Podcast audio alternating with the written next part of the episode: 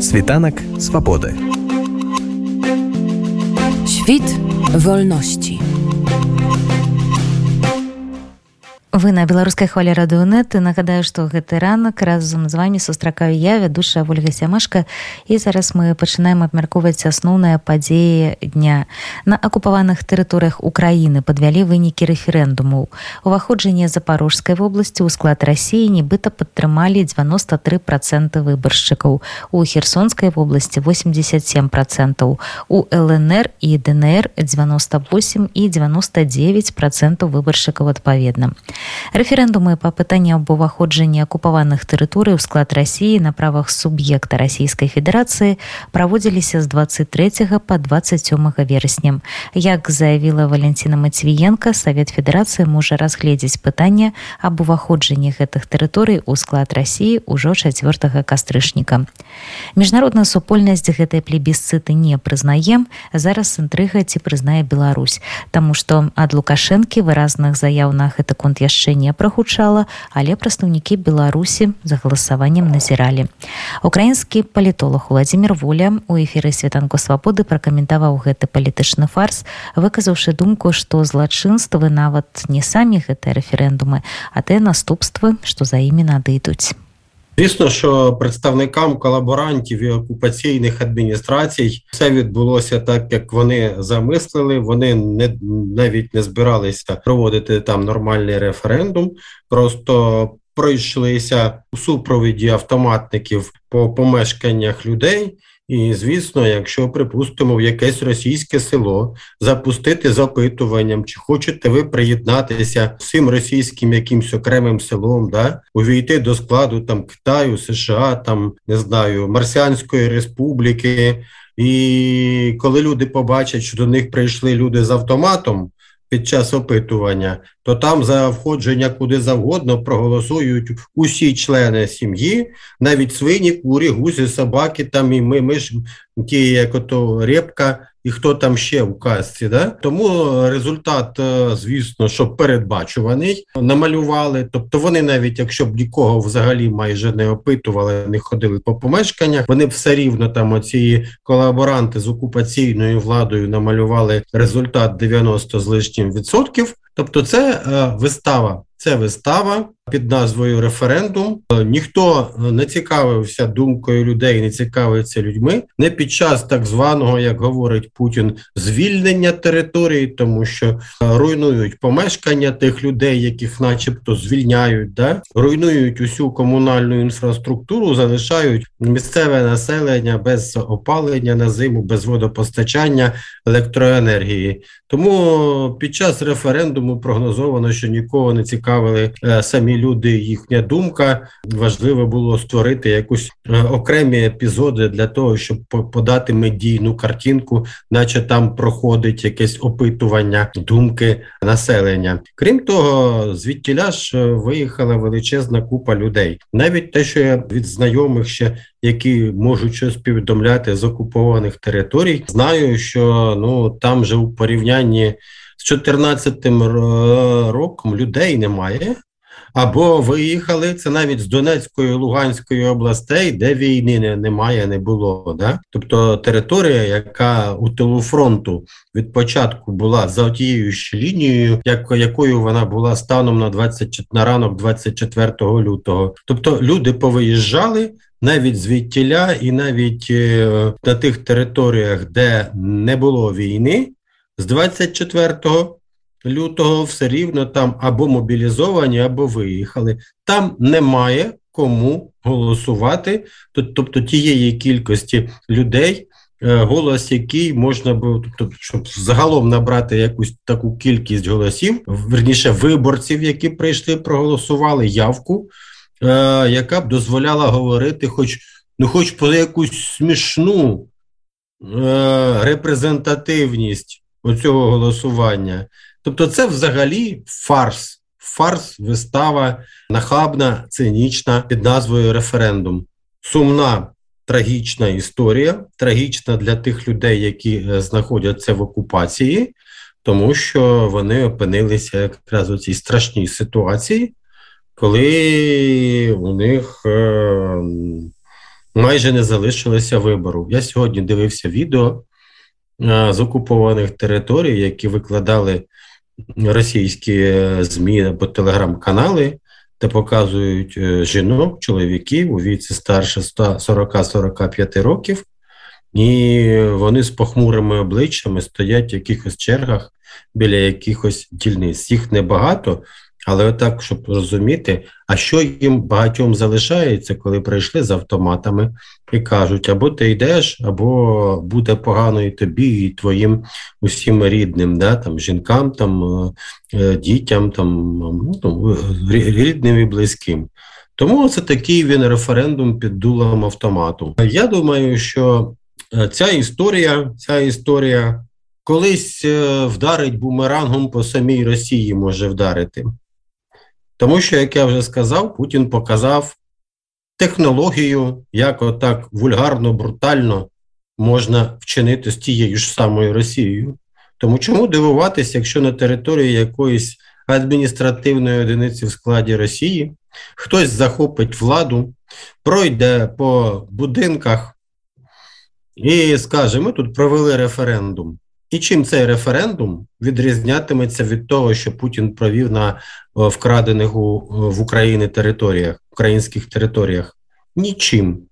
Е, Путін засуджував це вже коли була чеченська війна, коли там були ісламісти на північному Кавказі. Я не кажу про республіку Ічкерія, це перша чеченська війна. А коли там вже були купа найманців іноземних, таке інше. Тобто їм це не подобалось. Але тепер вони вважають, що вони можуть діяти так, як вони колись це засудили, таким способом, який вони засуджували колись. Тому е, це все бумерангом повернеться проти самої Росії. Більше того, цей бумеранг ще полягати в тому, що це ж не просто референдум. Референдум це подія, вистава, з допомогою якої намагаються оформити анексію, тобто крадіжку окупованих українських територій. І зло це не референдум, зло це анексія. Тобто, якщо верніше так, якщо говорити про справжнє зло, злочин, який коїться, то це е, не цей виставковий референдум. А те, заради чого ця вся вистава проводиться для того, щоб оформити крадіжку окупованих українських територій, і насправді оце може вдарити боляче по Путіну. Він же хотів все все швиденько анексувати для того, щоб швиденько сховати всі окуповані території під е, ядерний щит Росії, щоб зупинити подальші можливі контрнаступи українських сил, бо у Росії виявилося немає звичайних військ, щоб стримувати вже е, утримувати лінію фронту.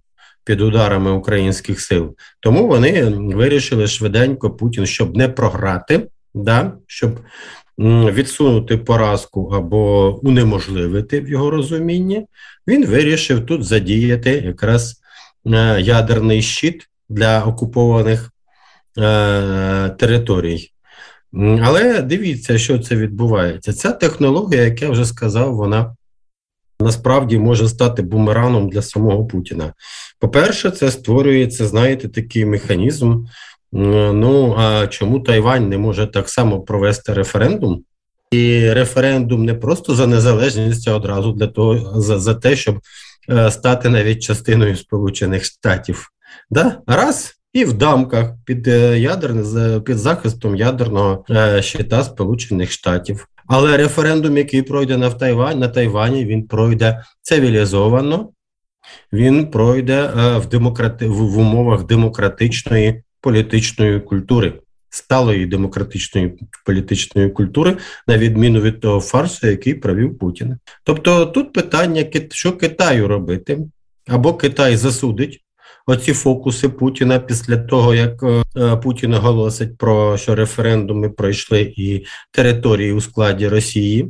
Або ж, е, якщо Китай промовчить, то а чому б Тайвань не може скористатися технологією незалежності по імені Путіна, проти якої не проти Китай? Да? Тому тут принциповий важливий момент: Китай або засудить референдуми і анексію, і тоді він відріже для Тайваню цей шлях, або не засудить, бо відсутність засудження означатиме, що це нормальний спосіб а це значить, що Тайвань теж може цим скористатися. Оце такий момент. Другий це те, те саме стосується і Індії, де і багатьох інших країн, які займають зараз нейтральну позицію відносно цієї війни. Другий момент е, наслідків по групах це Казахстан. Я не виключаю, що після того, як Путін оголосить про анексію, і рішення про анексію буде затверджено Радою Федерації, то Казахстан може ухвалити рішення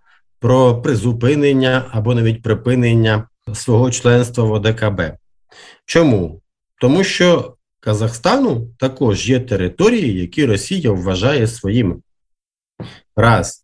По-друге, якщо Казахстан промовчить, Ну, хоча Казахстану заявили офіційні представники, що не визнають оцих всіх референдумів і не визнають анексію, але після того, як Рада Федерації затвердить анексію, я думаю, е, для Казахстану виникне такий момент, що фактично е, Казахстан спробували, так би мовити, не те, що вчинити з ним нечесно, тому що дивіться, що Путін розказуватиме. Тепер ці території, які він захопив, і захоплення яких не, від, не вітав не вітало керівництво Казахстану. Да? Тепер Путін разом з Радою Федерацією перетворює їх на територію Росії, продовжує наступ.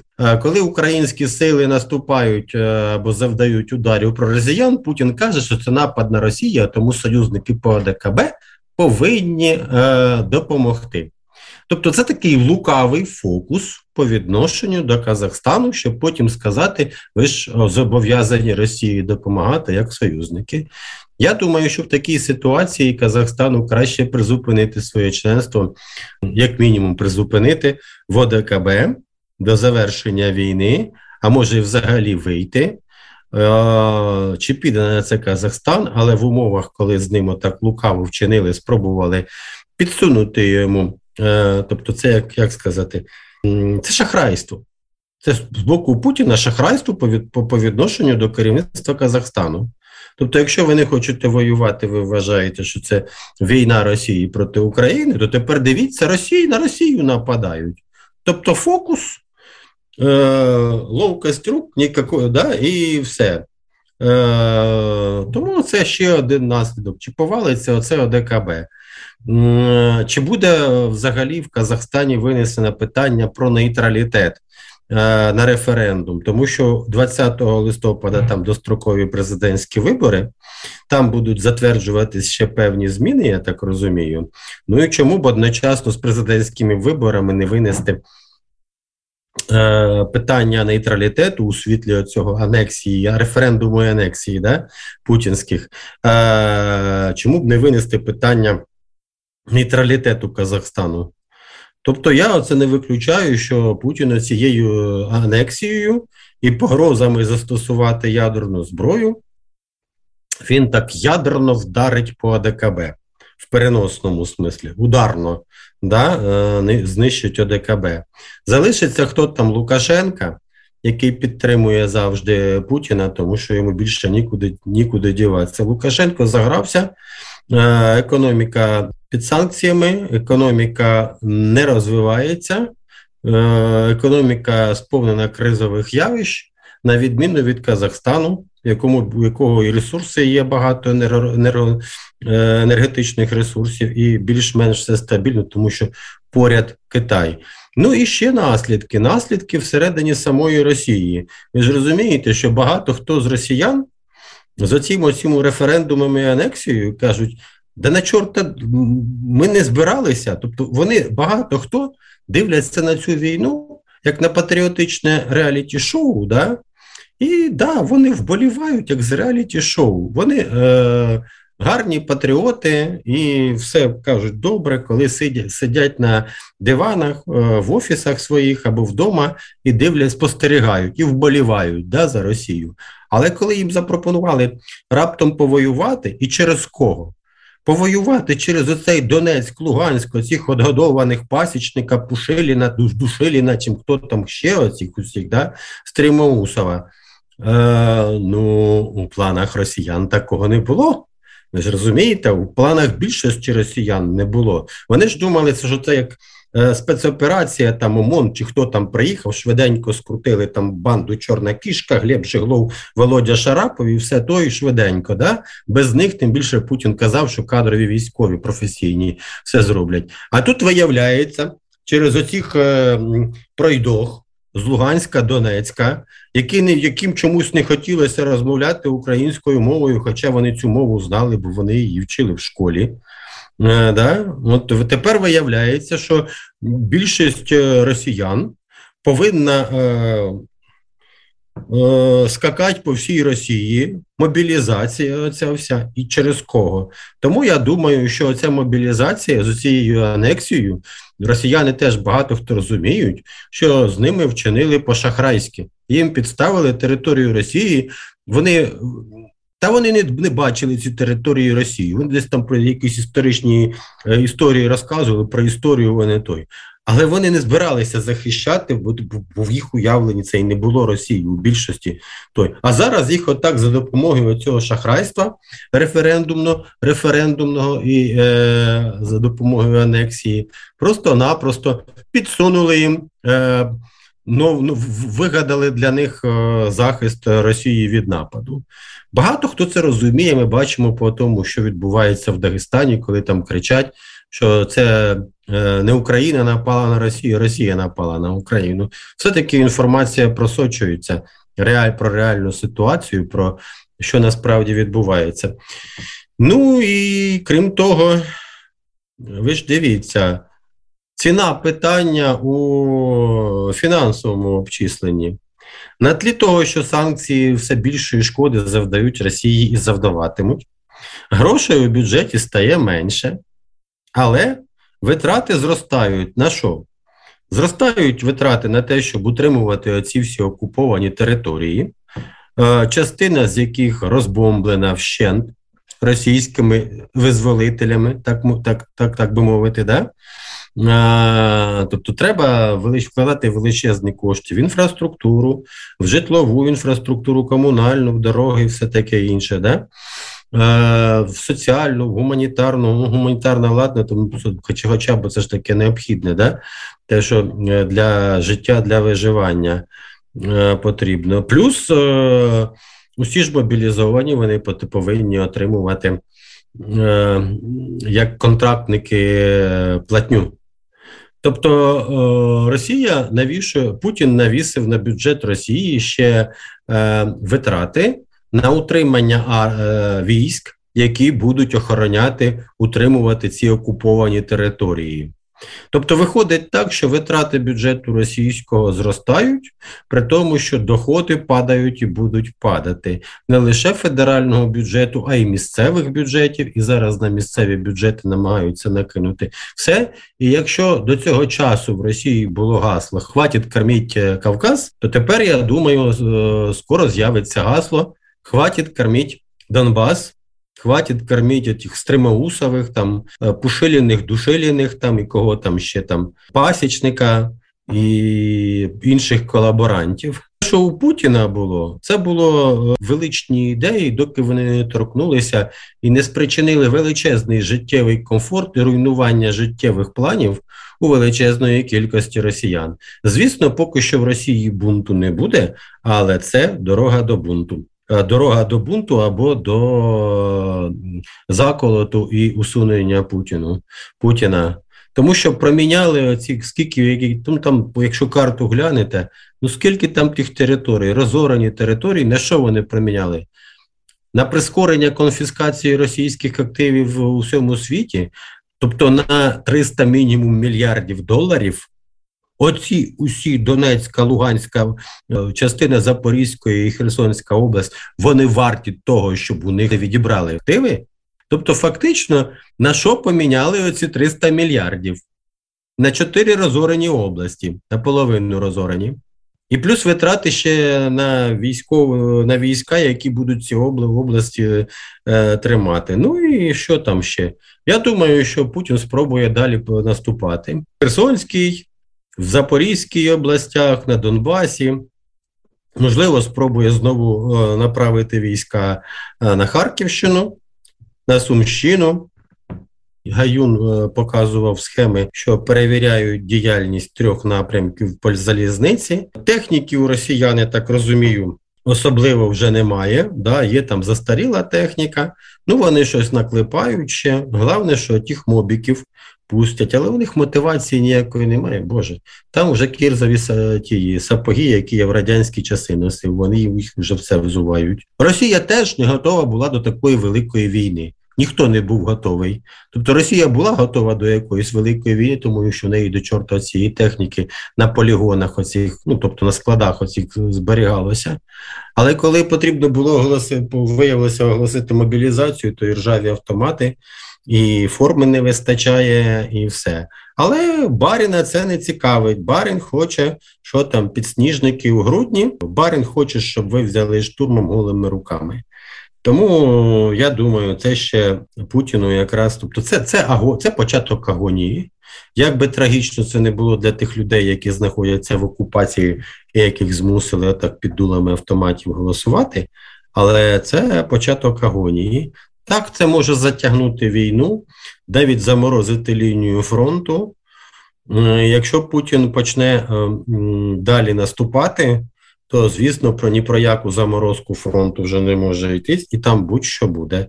Тому я не виключаю, що найближчими найближчий тиждень ми можемо навіть почути, що США, Франція і Британія заявлять, що у разі ядерного удару по Україні вони будуть відповідати ядерним ударом по Росії. Тобто, для того, щоб встановити ядерний паритет щоб війна була чесною. А тут так виходить, що один сховався під ядерним щитом, да? Тобто це як порівняти, що битва на мечах, а тут хтось викатує той кулемет, да? І каже: ну що, на мечах тепер давай пограємось, да? попробуй мене тільки завалить, он тебе з кулемета е, уб'ють і все. Тобто Путін зараз амбал, який програв, програв війну станом на вересень коли коли побачили, що всі фронти його починають валитися. Армія немотивована, погано забезпечена, погано організована, втрати величезні техніки, і Путін почав ховати свою поразку за референдумом, анексією ядерним щитом. Світанок свободи. Świt wolności.